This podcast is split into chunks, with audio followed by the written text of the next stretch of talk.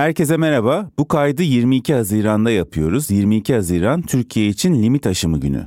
Buna göre Türkiye bu tarihten itibaren gelecek yılın kaynaklarından tüketmeye başlıyor ve geleceğe borçlanıyor.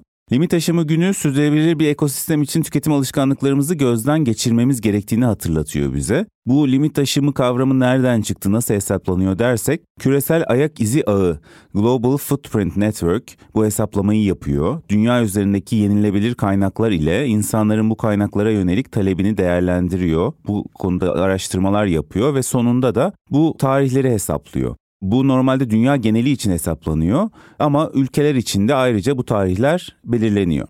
Geçen sene de küresel limit aşımı günü 28 Temmuz olarak belirlendi ve limit aşımı günü hesaplanmaya başladığı 70'lerden bu yana e, hep tabii geriye geliyor. Gitgide daha hızlı tüketiyoruz kaynakları. Sadece bunun bir farklı olduğu yıl 2020 oldu. Pandemi kısıtlamalarının etkisiyle 3 hafta ileri kaydı bu tarih ama ne yazık ki bu değişiklik kısa ömürlü oldu. Pandeminin ardından hemen eski tarihine gitmiş oldu. Bu aradan geçen iki yıl içinde de iklim krizinin neden olduğu aşırı hava olaylarını gördük. Ukrayna-Rusya savaşı ile beraber doğal kaynakların ne kadar kritik olduğunu çeşitli krizlerle beraber görmüş olduk. Ve bu tarihler, bu hesaplamalar da bize hep bunu hatırlatıyor.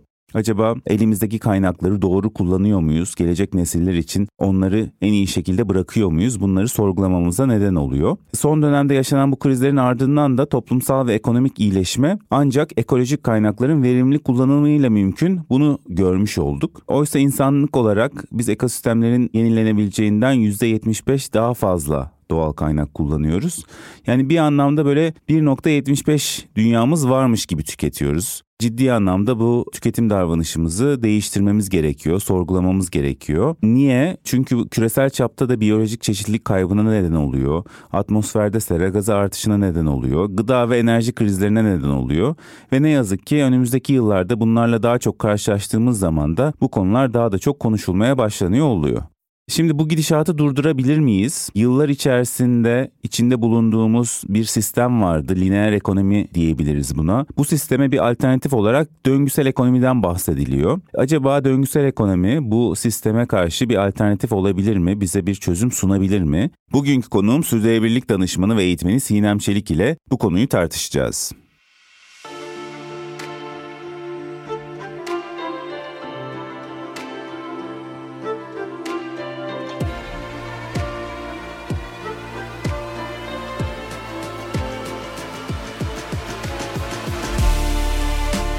Geleceği merak edenler, trendleri, yenilikleri takip edenler, kültürdeki değişimi anlamak isteyenler, Geleceği Görenler podcast serisine hoş geldiniz.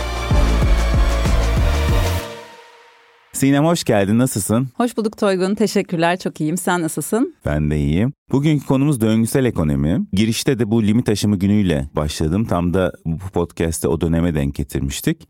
Sen de yıllardır sürdürülebilirlik alanında çalışıyorsun. Önce böyle farklı kavramlar var ve birkaç senedir bu kavramları daha çok konuşuyoruz. Ee, o yüzden de bunlara bir netlik kazanırsak iyi olur en başında. Doğru oturtmak için sürdürülebilirlik nedir? Döngüsel ekonomi nedir? Ee, o biri diğerinin alt maddesi mi? Nasıl bir ilişkileri var?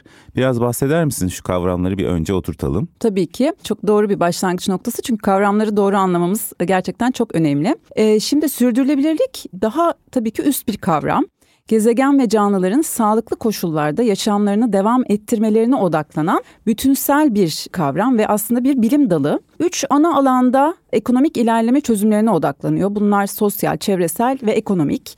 Döngüsel ekonomi de işte bu çözümlerden bir tanesi. Aslında alt çözüm etki odaklarından bir tanesi diyebiliriz. E, geleneksel ekonomi modeli senin de söylediğin gibi lineer yapıda. Bu ne anlama geliyor? Yani lineer yapı nedir dediğimizde aslında ve hepimizin de belki bütün hayatını geçirdiği geleneksel metot satın al, kullan ve at. Bu üç ana odaktan oluşuyor. Şimdi baktığımızda bu geleneksel yapının ana iki sorunu var. Bir tanesi doğal kaynakların limit yokmuşçasına kullanılması ki limit aşımı gününde bundan bahsetmek çok yerinde oluyor.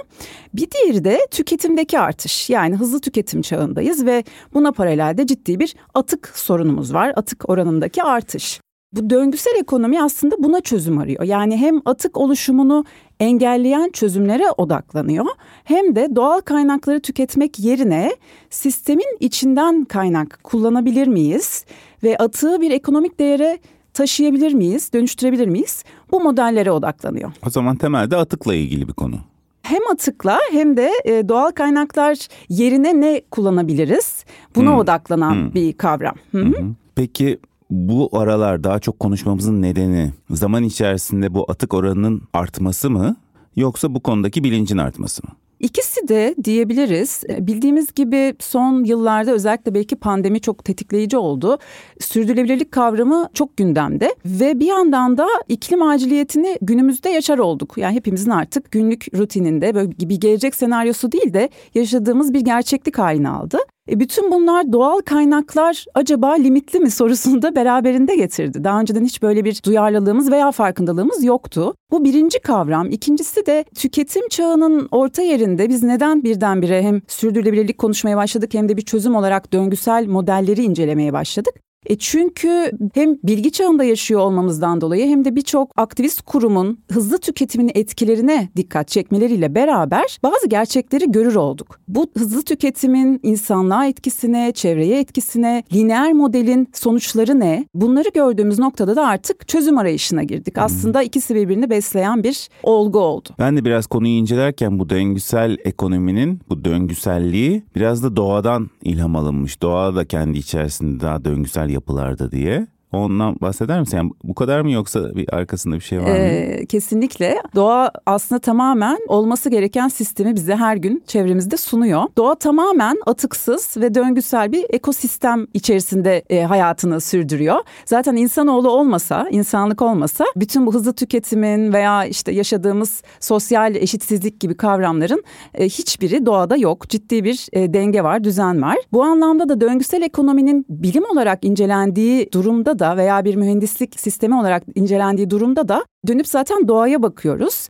Biyomimikri diye çok mühendislik dallarının da incelediği bir metodoloji var ki burada da zaten doğayı taklit eden hı hı. sistemler denir. Ve o yüzden döngüsel ekonominin odaklandığı yerlerden bir tanesi veya rehber olarak kullandığı yerlerden bir tanesi tabii ki doğadaki o mucizevi sistem. Peki bu konularla şu an çok çok dünyada ilgili sen de ilgilisin ama esasında senin ilgin çok daha geçmişten başlıyor. Ben kendim biraz önce bahsettiğin gibi pandemi döneminde biraz daha çok ilgimi çekti. Bu konuda 2020 yılı herhalde. Daha fazla okumaya, araştırmaya başladım ama sen 2017'de önceden çalıştığın tekstil sektöründeki şirketten ayrılıp kendi işini kuruyorsun. Biraz hani bugünleri sanki önceden görmüş gibi Blue Projects diye bir şirketini kuruyorsun. Buna nasıl karar verdin? Orada ne gördün? Ne olacağını düşündün ve düşündüğün gibi oldu mu? Hayal kırıklığı mı oldu? Düşündüğünden daha mı hızlı ilerliyor? Dönüşüm nasıl gerçekleşiyor? Biraz bahseder misin? Tabii ki memnuniyetle. Ben aslında neden böyle bir alanda bir girişimde bulundum? İki ana sebebi var şimdi geriye dönüp bakınca. Çünkü o yıllarda sürdürülebilirlik kelimesinin hiçbir haber değeri yoktu veya çok ekonomik bir fayda da sağlamıyordu. Ee, biraz cesur bir karardı gerçekten. Şimdi geri dönüp baktığımda birincisi tabii ki 15 sene kadar ben tekstil sektörünün tedariğin tam göbeğinde bütün e, marka segmentlerinde moda markalarıyla çalıştığım bir yapının içerisindeydim ve işin mutfağında uzun yıllar yer aldım. Burada da aslında sistemdeki tıkanıklıkları, ihtiyaçları görmeye başlıyorum başlıyorsunuz. Çünkü hızlı modanın veya hızlı tüketimin domine etmesiyle birlikte bir anda o ihtiyaçları ve bu işin böyle devam edemeyeceğini öngörmüş oldum. Birinci sebep biraz daha sektörel. Yani evet burada bir ihtiyaç var. Fakat daha önemlisi ben kişisel anlamda bir e, dönüşüm yaşadım diyebilirim. Çok hızlı kararlar alması gereken bir çalışanken kurumsal bir şirkette bir anda aslında ben fayda odaklı bir şey yapayım ve bu alanda bir girişimde bulunayım diyerek belki de bir tutku projesi gibi doğdu Blue Projects. Bir platform yaratmak istedim ve dedim ki ben fayda sağladığım bir alanda birikimimi ve zamanımı, vaktimi, kariyerimi şekillendirmek istiyorum. E, bu ilk yıllarda aslında tabii ki biraz daha dünyadaki bazı markalarla işbirliği yapmam yönüyle işler hale geldi. Fakat şimdi tabii günümüzde görüyoruz ki bu en ana konu. Tabii ki çok memnunum. Yani bu konunun belki yayılmasına da katkım olabildiyse ne güzel. E, bir yandan da tabii ki bu alanda devam etmeye çalışmak çok büyük bir kararlılık istiyor. Çünkü çok zor bir yol. Bütün dünya hala tabii ki hız çağındayız, hızlı tüketim çağındayız ve benim büyütmeye çalıştığım alan gerçekten çok zorlu bir alan. Bu anlamda çeşitli hayal kırıklıkları da oluyor. Çünkü genel algı olarak maalesef döngüsellik veya sürdürülebilirlik kavramları hala biraz daha bir trend gibi ele alınıyor. Oysa ki burada bütün geleneksel bakış açılarımızı değiştirmemiz gerekiyor. Ee, yani etki ve fayda odaklı ne yapabilirim sorusu hem birey olarak hem bir çalışan olarak hepimizin sorması gereken sorular halini aldı bence.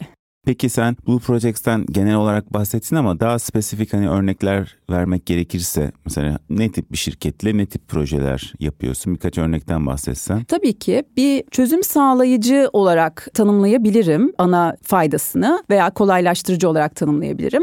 Ana sektörün moda endüstrisi ve moda markalarına özellikle tam da konuştuğumuz döngüsel ekonomiye veya döngüsel tasarıma katkı sağlayacak çözümler sağlamaya çalışıyorum. Bunlara belki olabilecek en güzel örnek Hollandalı bir moda markası Mad Jeans. Etkisi çok büyük değil, hacmi de çok büyük değil ancak döngüsel moda alanında, döngüsel ekonomi alanında sürekli ödülleri toplayan çünkü çok cesur girişimlerde bulunan bir marka. Onların hem tedarik sürecinde yani bunun çok geniş bir kapsamı var biraz birazdan kavramlar üzerinde de konuşacağız.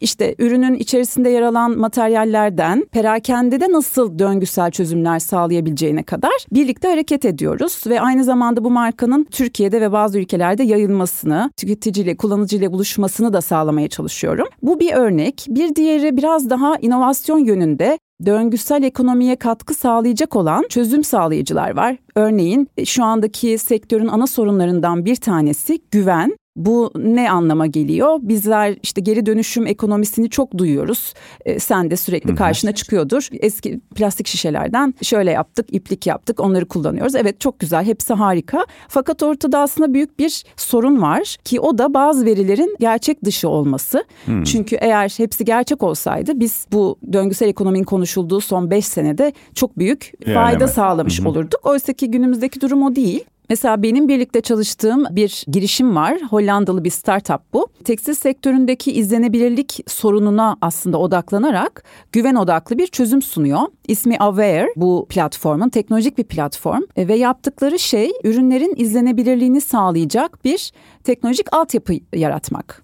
Yani ben bir kıyafet aldım. Bu kıyafetin içinde zaten daha kıyafet yapılırken, üretilirken bir madde konulmuş. O maddeye Nasıl QR kod gibi mi? Nasıl bakıyorum? Evet aslında QR kodla bakıyorsun. Hatta QR o bakıyorum. E, QR kodu okuttuğun noktada e, bütün o kumaşından ipliğine kadar bütün hikayesini görebildiğin bir harita karşına çıkıyor. Hı. Bu da sana bir güven veriyor ki vermesi de gerekiyor. Normalde bir kıyafetin hani etiketine bakılır. Evet. Etiketine sığmayacak kadar çok bilgiye bakabilmem için değil mi? Onu takip edebilmem için böyle bir şey yapmışlar. Evet hem de güvenilir bilgiye. Yani şu anda etiketlerdeki doğruluğu da sorgulayabiliriz. Çünkü bir raporda okudum geçen sene. Moda endüstrisinin ciddi bir sertifikasyon sorunu var. Burada bir karmaşa var ve hmm. bir ana bir otoritenin eksikliğinden dolayı şu anda daha tercih edilebilir olduğu iddia edilen pamuk, polyester vesaire materyallerin aslında biraz daha irdelenmesi gerektiği ortaya çıktı buradaki güven ihtiyacından bahsediyorum. O zaman o şirket otorite olmaya oynuyor. Aslında evet. Çünkü biz onu otorite olarak şu an tanımadığımız için hani evet. mesela satın aldığımız markaya daha çok bile güvenebiliriz hiç tanımadığımıza göre. Kesinlikle. Zaten zaman içerisinde onu öğrenecek insanlar hani çeşitli alanlarda çeşitli kurumlar var. Dünya Sağlık Örgütü gibi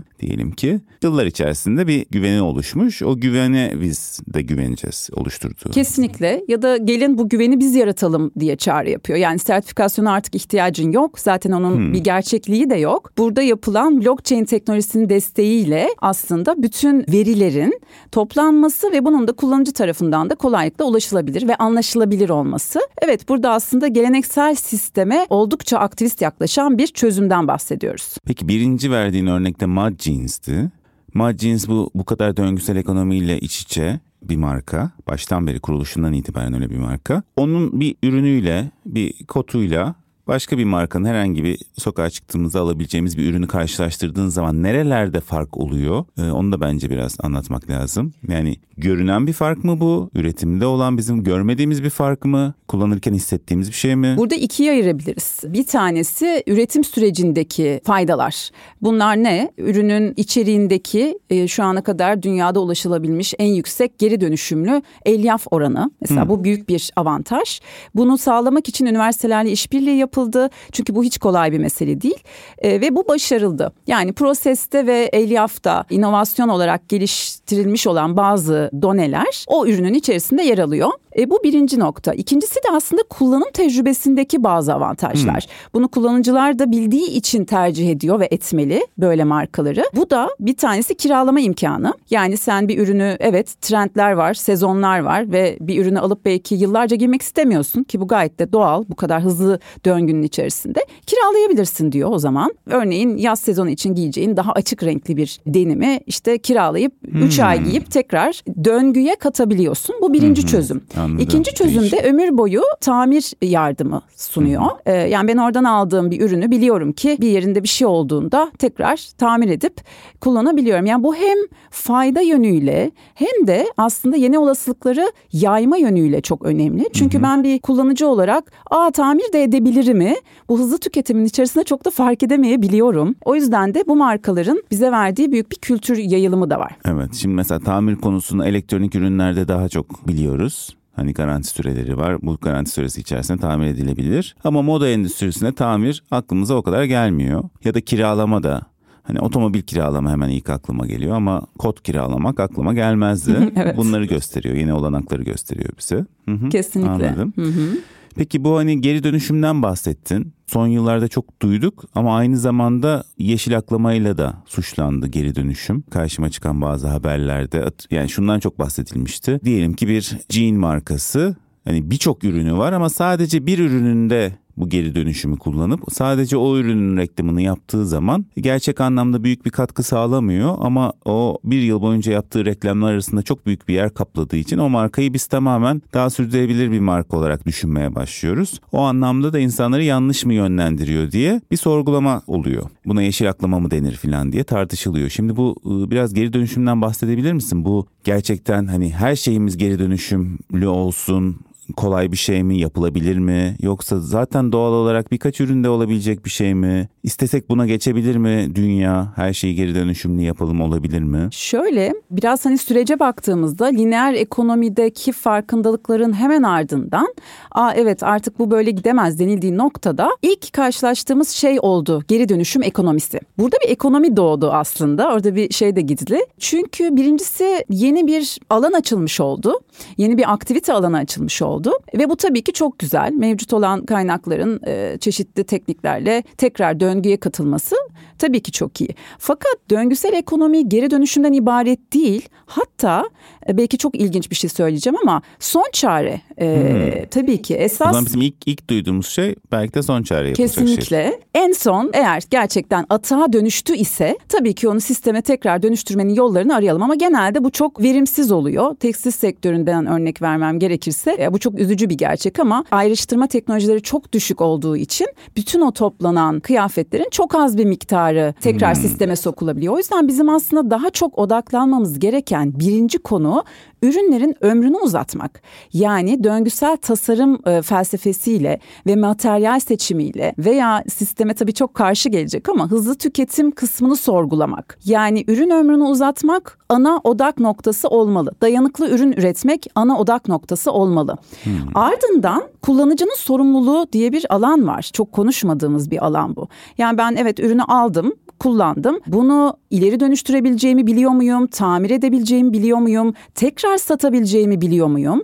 Yani bir atağa dönüştürmeden önce yapılabilecek birçok döngüsel taktik var ve bunlara alan açmak, bunları büyütmek yine atağa dönüşmesini engelleyecektir. Sen ileri dönüşümden bahsettin ama biraz onu açıklayabilir misin? O da geri dönüşüm gibi sektörel bir kavram gibi kullanmadın çünkü insanların yapabileceği bir şey gibi bahsettin. İnsanlar da yapabilir. Çok Nasıl? doğru. Aslında yapıyoruz da belki farkında olmadan. Yani biraz da sektörel tarafı da var tabii ki ama ileri dönüşüm bir ürünün farklı bir amaç için yeniden kullanıma sokulması diyebiliriz. Hı. İşte bunu eskilerde aslında annelerimiz, anneannelerimiz çok yapıyor yapıyordu.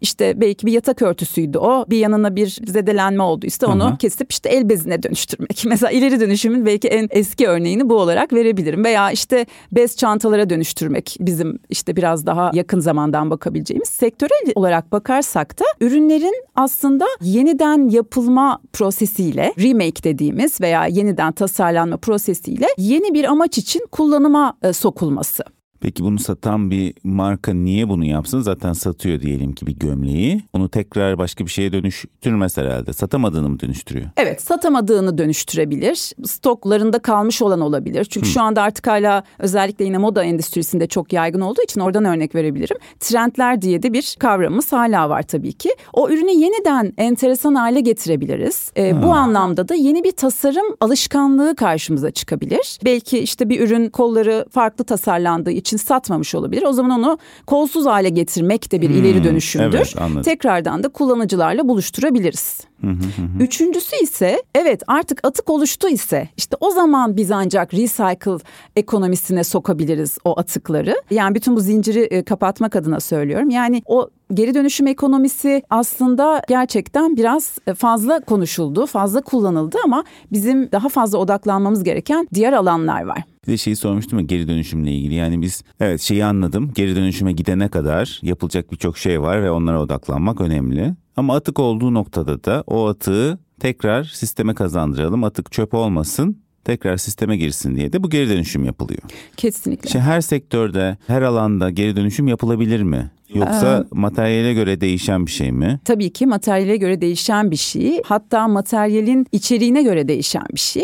Birincisi şuna tekrar dikkat çekmek ve geri dönüşümü hani o yönüyle anlatmak doğru olacaktır. Döngüsel ekonominin dilinde atık altın değerinde tabii ki. Yani atığı nasıl kullanırız? Şu anda birçok inovasyon sağlayıcılar buna odaklanmış durumda. Fakat mevcut inovasyonlar biraz yetersiz kalıyor. Çünkü biz uzun yıllardır lineer metotta tasarladığımız için aa ürünü ben tek materyalli yapayım da kolay geri dönüştürülebilir olsun demedik hiç. Hmm. O yüzden artık biraz çok geç yani çok geç derken mevcut sistemi dönüştürmek böyle koca bir gemiyi döndürmeye rotasını çevirmeye benziyor. Ha baştan öyle tasarlanmadığı için geri dönüşüme girmesi de zor oluyor. Kesinlikle. Ama şu anda mesela sıfırdan bir şey yaparken ileride geri dönüştürülebilir olması için belli kararları önceden verebiliriz. Kesinlikle. Bu zaten döngüsel tasarımda e, öğrettiğimiz şeylerden bir tanesi tam olarak bu tasarımda ürünün sonraki hayatını, afterlife'ını düşünerek tasarlamak. Yani ben baştan uzun ömürlü yapıyorum, kullanıcının sürecini tasarlıyorum ama bir de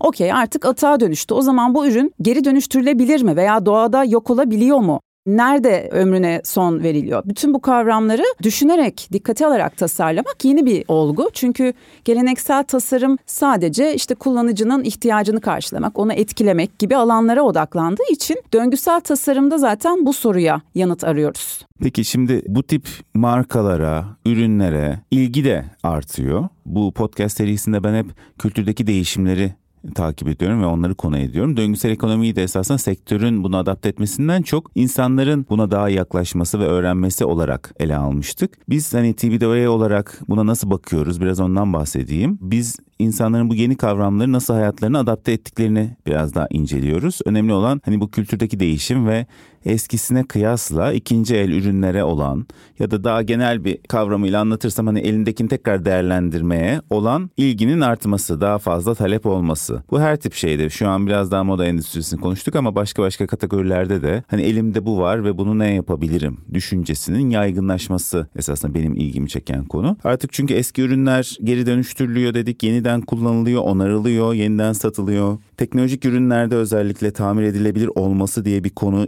insanların radarına girdi. E, dikkat ettikleri bir konu haline geldi. Özellikle cep telefonları falan çok pahalandığı için buralarda daha çok konuşulan bir konu haline geldi. Gıda israfını önleme diye bir konu var. Burada çeşitli girişimler var onları görüyoruz.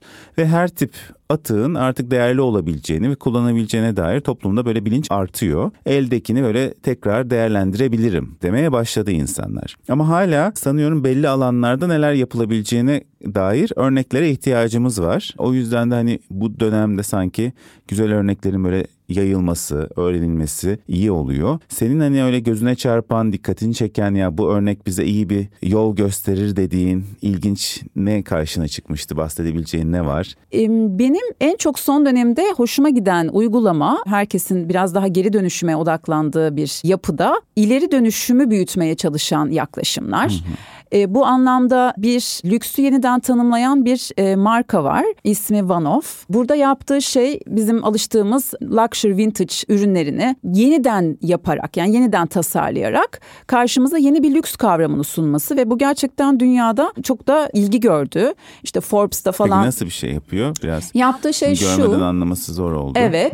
E, yaptığı şey şu işte bir Chanel ceket, Burberry trench coat ve eski bir Levi's vintage'ı parçalarını birleştirerek ve hala o parçaların ana değerlerini de koruyarak yeniden tasarlıyor. Yani yaptığı şey Yani kesiyor, birleştiriyor, yeni bir Evet. ürün ortaya çıkıyor Evet. ama o ürün de hala moda görünüyor. Kesinlikle hatta e, lüks moda olarak görünüyor. Çünkü unik parçalar bunlar, eşsiz parçalar. Sadece bir tane var. O yüzden ismi One Of, One of a Kind gibi. Bu anlamda güzel bir uygulama. Tabii ki bunlar biraz daha küçük yaklaşımlar olsa da yani çok sektörü dönüştüren bir oluşum diyemesem de güzel bir örnek. İşte ben de esasında biraz onu sormuştum. Benim de karşıma çıkan şu tip şeyler var. Bir hani çok büyük ölçekte büyük etki yaratan e, uygulamaları görüyoruz. Bir de bize ilham veren, böyle bir şey de mümkün diyen örnekler görüyoruz. Her ikisine de sanki ihtiyaç var şu anda. Yani elimizdeki bir şeyi de iki tişörtü kesip birleştirip başka bir şey yapabilmeyi de insanlara hayal ettirebilir o one of örneği. O belki lüks kategorisindedir. Ben son derece günlük bir şeyde de bunu düşünebilirim, onu hayal edebilirim. Evet, Belki ilham vermesi ilham yönüyle. vermesi açısından da değerli olur. Evet fakat burada tabii ki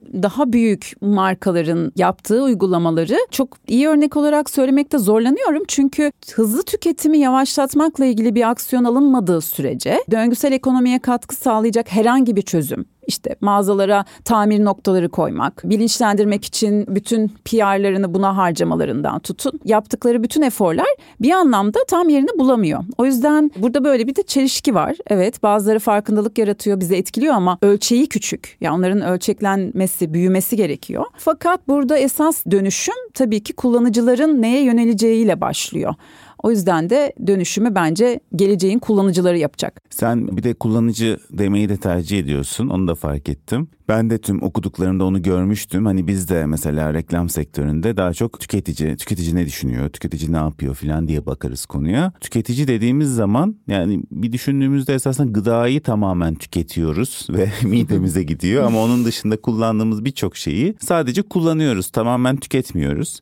O yüzden de burada hani kullanıcı diye bahsetmek insanlardan, insanların ürünlerle olan ilişkisine kullanıcı diye onlara hitap etmek sanki daha doğru oluyor. Sen de hep ona dikkat ediyorsun. Evet hatta şöyle bir iddiam da var veya şöyle bir eğilim var diyelim gelmekte olan. Tüketim çağının tam orta yerinde aslında büyüyen bir sahip olma ekonomisinin artık miladını doldurması gibi bir gerçek var. O yüzden bir şeye sahip olmak eskisi kadar e, etkileyici değil kullanıcılar için. Bu bağlamda da ürün ekonomisi de yerini biraz hizmet ekonomisine bırakıyor. Yani bu ne demek? Ben ihtiyacımı karşılamaya yönelik bir hizmetle de okeyim. Yani o ürüne sahip olmam gerekmiyor. Bu anlamda aslında perakende de özellikle bütün sistemlerin dönüştüğünü görüyoruz. Evet artık tüketici demek e, o kitleyi anlatmakta yeterli olmuyor. Çünkü yakın zamanda yeniden satış işte resell ekonomisi zaten giderek büyüyor. Bu 2027'de 350 milyar dolara ulaşacağı tahmin ediliyor. Yani neredeyse hatta hızlı tüketim sektörlerinden daha büyük bir büyüme ivmesi var.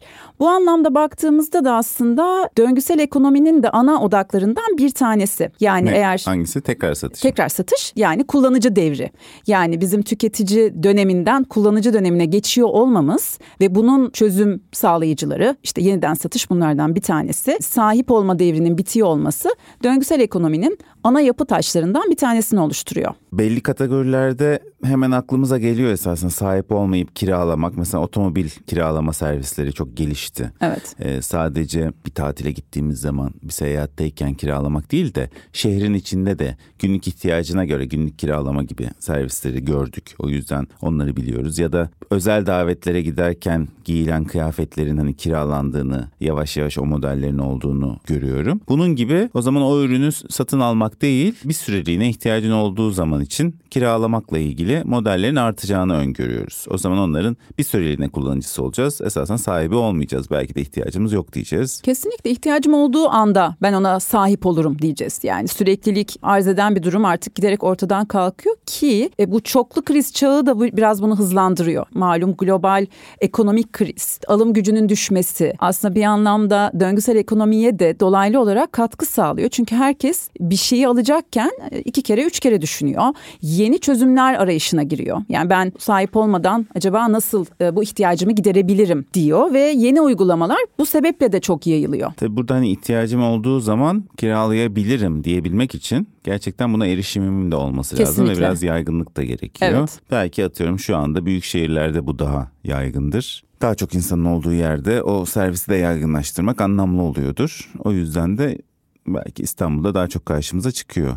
Ben dün mesela berberde de sohbet ederken e, dedi arabaları satacağız gerekli olduğu zaman kiralayacağız diye bahsetti mesela. Hani yaygınlaşmış olduğunu şu an düşündüm. Kesinlikle. Ee, bu düşüncenin Çok yavaş yavaş. Güzel bir örnek evet. Daha farklı örnekler de benim dikkatimi çeken bu hafta ondan bahsedeyim. Bizim sektör için önemli olan Cannes Lions Uluslararası Yaratıcılık Festivali vardı. Ve orada reklam sektörünün böyle yılın en önemli etkinliği bu. Çünkü tüm dünyadan tüm reklam verenler, reklam ajansları en iyi işlerini buraya yolluyor ve onlar yarışmada birbirleriyle yarışıyor. Her kategoride en iyiler seçiliyor. Burada öncesinde görmediğimde hani dünyanın başka yerlerinden örnekler görebiliyorum. Bir tanesi Kolombiya'dan bir bir örnek. Bir süpermarkette yapmışlar. İnsanlar mesela böyle kararmış bir muzu pek satın almak istemiyorlar ve o bir atağa dönüşüyor. Oysa ki bazı tariflerde olgunlaşmış bir muz tercih nedeni de olabilir. Ama biz görüntü olarak onu görünce böyle bu ne ya filan diye almıyoruz, satın almıyoruz. Ama ihtiyaç da olabilir. Bunu vurgulamak için üzerlerine çok basit bir etiket yapmışlar. Muzun rengine göre sana yapabileceklerini gösteriyor. İşte diyor ki bu muzla işte smoothie yapabilirsin rengine hmm, göre ya da bu kadar iyiymiş. koyulaşmışsa bununla kek yaparsın.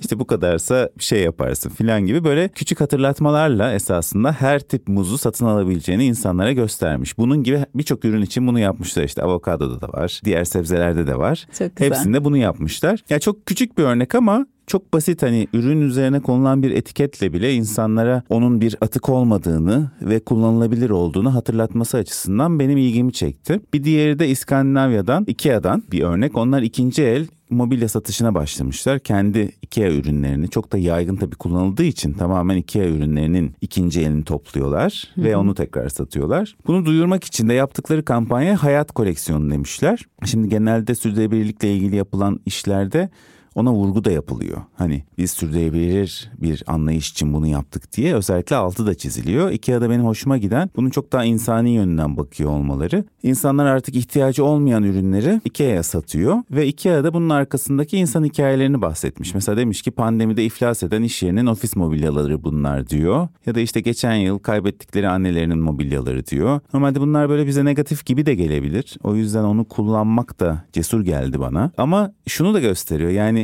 esasında bu ürün kötü bir durumda değil. Çeşitli nedenlerle onların hayat hikayelerindeki nedenler yüzünden satmaya karar vermişler. Yani biraz önceki o olgunlaşmış muzun atık olmaması gibi bunların da evden çıkan mobilyalar bir atık değil esasında. Hani hikayesi değişti o insanın o yüzden satmaya ihtiyacı hı hı. oldu gibi. Çok Bunu bize gösteriyor. Bu iki örnek böyle ilgimi çekti. Biraz bu örneklerin de yaygınlaşması bize yeni olanakları hatırlatıyor neler yapılabileceğini, nasıl yaklaşılabileceğini. Ee, illa da her seferinde ben de düşünüyorum hani markaların sürdürülebilir bir şey yaptık burada diye altının çizmesi gerekmiyor da o sistemin içerisinde zaten yapabileceklerini yapmaları ve onu en iyi şekilde insanlara dokunacak şekilde anlatmaları, en basit şekilde anlatmaları anlatmaları sanki daha etkili olacak. Tabii aslında tam e, güzel bir örnek Ikea'nınki hem nasıl yaydığıyla alakalı ama hem de bunu bir evet sürdürülebilirlik alanında ne yapalım sorusuyla başlamadığı ortada. Hani gerçekten nasıl fayda yaratırız diye düşünerek başlayan konular yerini zaten buluyor e, ve o alanda yer açılmış oluyor.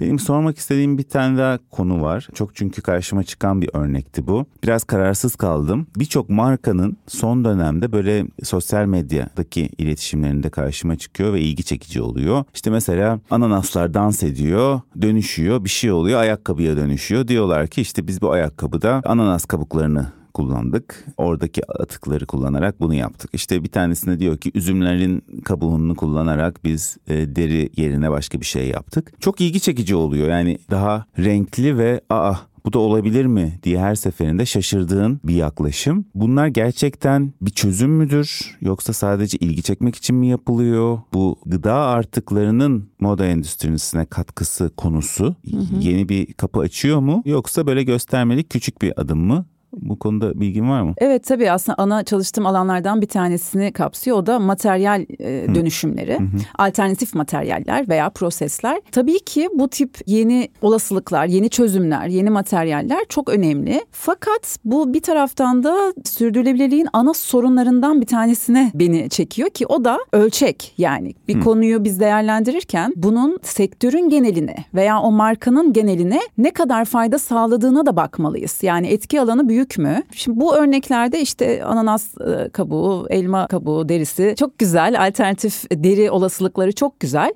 E, fakat biraz üretimi de oldukça pahalı olan bazı e, hmm. yolculuklar bunlar. Tabii biz onu bilmiyoruz hani üretim Evet o yüzden de biraz falan. daha e, küçük kalan ama etkileme becerisi büyük olan ve direkt kullanıcıya bir Aa, ben çok iyi bir şey yapıyorum hissini de veren hı hı. ürünler olması yönüyle bir kategori.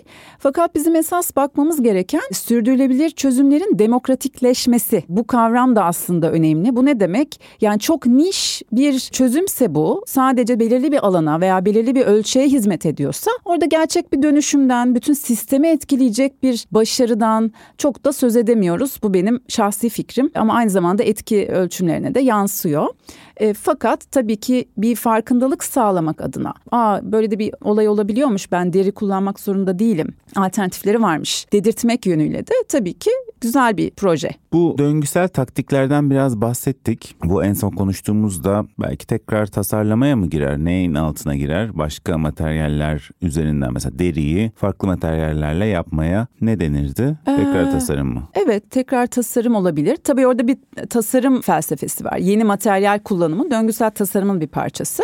Aha. Evet ona e, sokabiliriz ama yeniden tasarım yani burada bir e, re kavramı aslında yok. Daha çok bir materyalin e, yeni bir amaç için kullanılması var. Şimdi biraz o döngüsel taktikler dediğimizde İngilizce hep re ile özetlenmiş evet. bir sürü kavram vardı. Ben bir evet. onları aklımıza yer etsin diye İngilizce'de üzerinden geçeyim. İşte reuse, reduce, recycle, redesign, refuse, repair ve resell diye ben not etmiştim ama tek tek üzerlerinden de geçebiliriz. Şimdi tekrar kullanım elimizdeki ürünü esasen biz kullanıcılar olarak tekrar tekrar kullanmak. Satış, ikinci el satış ondan çok bahsettik. Elimizdeki ürünü tekrar satarak yine sistem içerisinde tutmak gibi konular var.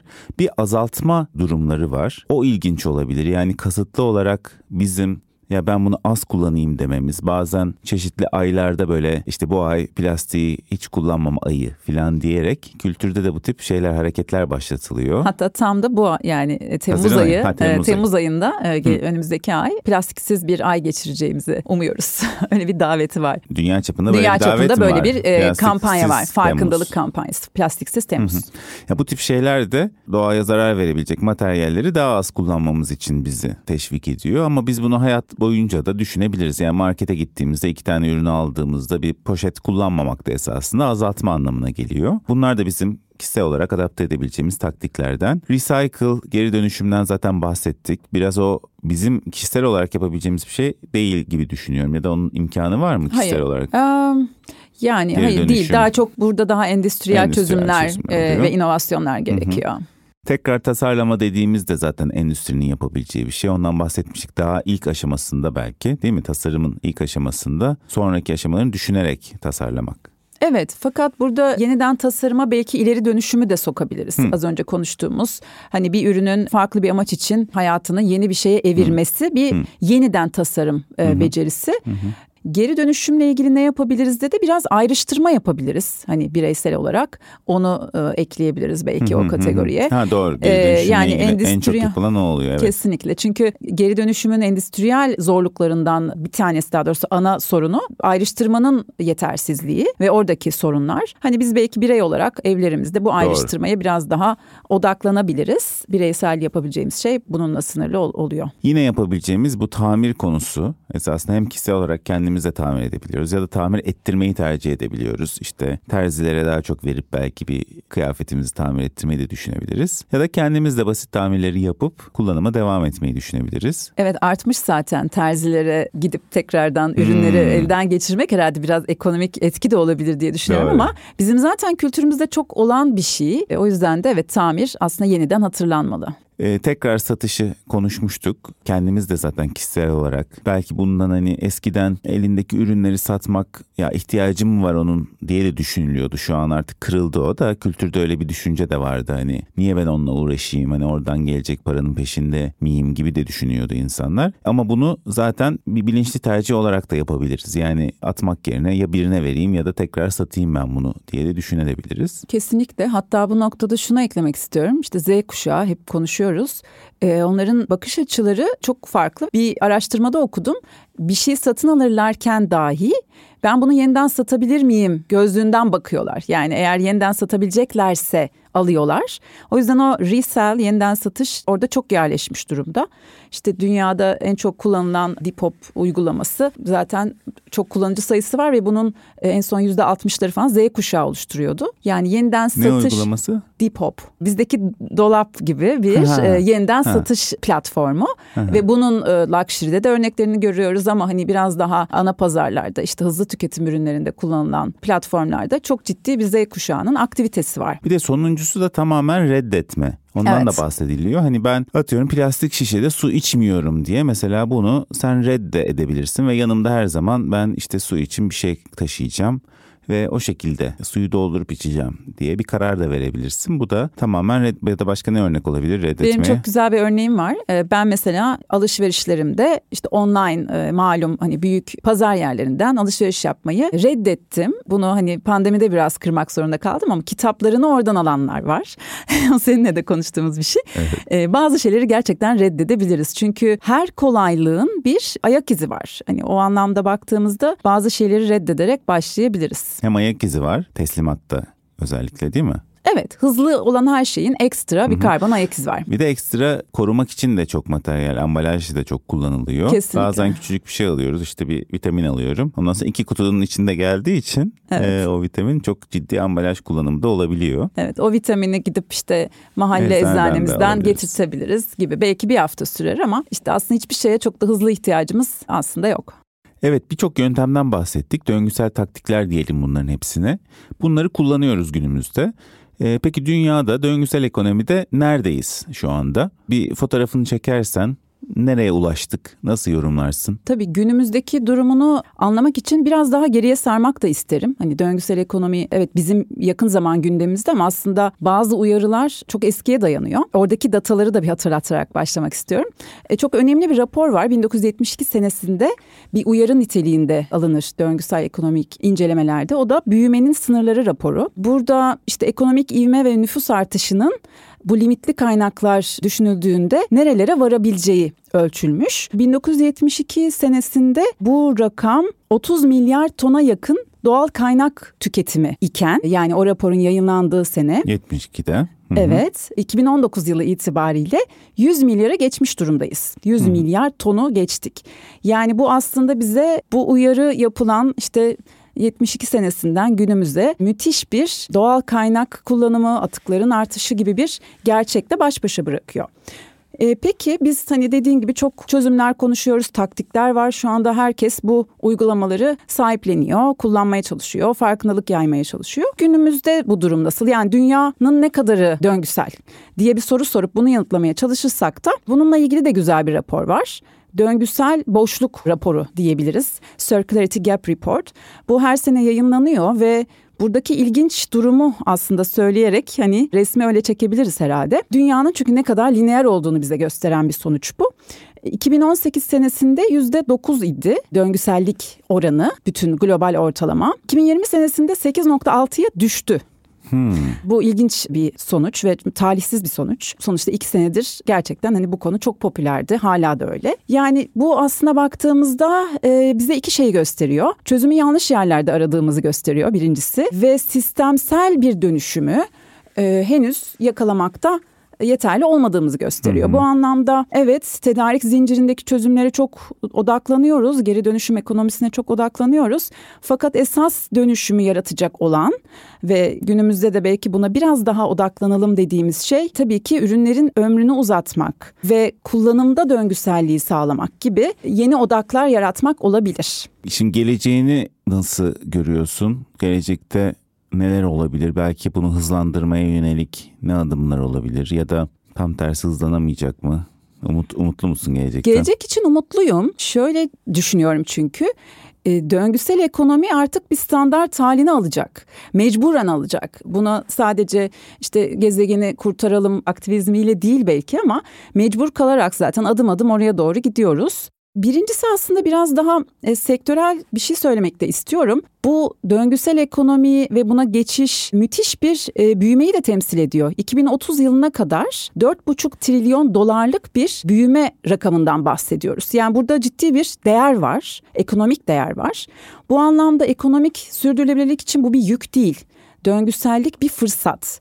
Bunu anladıkça aslında markaların, kurumların dönüşümü de ve sağladıkları katkı da tabii ki artacak. Fakat burada ana nokta yani gelecekteki bence ana dönüşümü yaratacak olan konu biraz da bizim sanayi devriminden işte kapitalist sistemden günümüze alışık olduğumuz bazı uygulamalar var. Bu uygulamaların ortadan kalkmasıyla mümkün. E, bunlardan belki bir kavramı paylaşmak isterim. O da planlı eskitme. Bu kavram şöyle bir dikkat ettiğimizde aslında çevremizi sarmış durumda. Çünkü aslında bütün e, ürünler ilk başta uzun ömürlü olsun diye üretiliyordu. Çünkü ihtiyacımızı uzun yıllar karşılasın hı hı. E, gibi bir algıyla üretiliyordu. Fakat sonra pazar büyümeleri vesaire gibi sistemin getirdiği bazı ekonomik e, ihtiyaçlarla aa biz biraz daha hızlı eskiyen ürünler yapalım. Kasıtlı olarak yani Tabii hızlı planlı o yüzden planlı yani. eskitme deniyor. Hı hı. Bu aslında planlı eskitme yaklaşımını ne kadar bıraktığımızla alakalı olacak. Döngüsel ekonominin ve döngüsel ekonomik büyümenin oranı. Bu anlamda kesinlikle tüketimi büyütmekten ödün vermemiz gerekiyor. Ürün ömrünü uzatmak biraz şu anda günümüzdeki sisteme baktığımızda çok aktivist bir yaklaşım. Fakat o planlı eskitme yaklaşımından çıkıp biraz daha ürünlerin ömrünü uzatmak, tüketimi azaltmak ile esas dönüşüm yaşanacak. Ve evet ben umutluyum geleceğin ekonomisi döngüsel olacak. Bir sektörde işte bu tip büyük kararlar herhalde çok etkileyici oluyor. Senin bu bahsettiğin konular biraz daha sektördeki dönüşümle ilgiliydi. Bir de biraz insanların neler yapabileceğini konuşmuştuk. Sanki ikisi birbirini besliyor. Orada da bir döngüsellik var gibi geliyor. Yani insanlar daha çok uyguladıkça daha çok talep ediyorlar. Şirketler de o zaman davranışlarını değiştiriyor. Şirketler bazı hareketleri yaptıkça o insanları etkiliyor filan. O da birbirini etkileyen bir döngü sunuyor sanki. Çok ne kadar doğru. hızlanırsa o kadar da iyi olacak gibi görünüyor gelecekte olumlu bakmamız için. Kesinlikle. Peki çok teşekkürler. Bayağı bir ciddi konuları ele almış olduk. Geleceğimiz için de önemli olan bugün de Türkiye'nin limit taşımı gününde nasıl daha az tüketebiliriz bunu tartışmış olduk. Çok teşekkürler katıldığın için. Ben teşekkür ederim. Umarım güzel bir farkındalık da sağlamışızdır. Çok teşekkürler. Görüşmek üzere.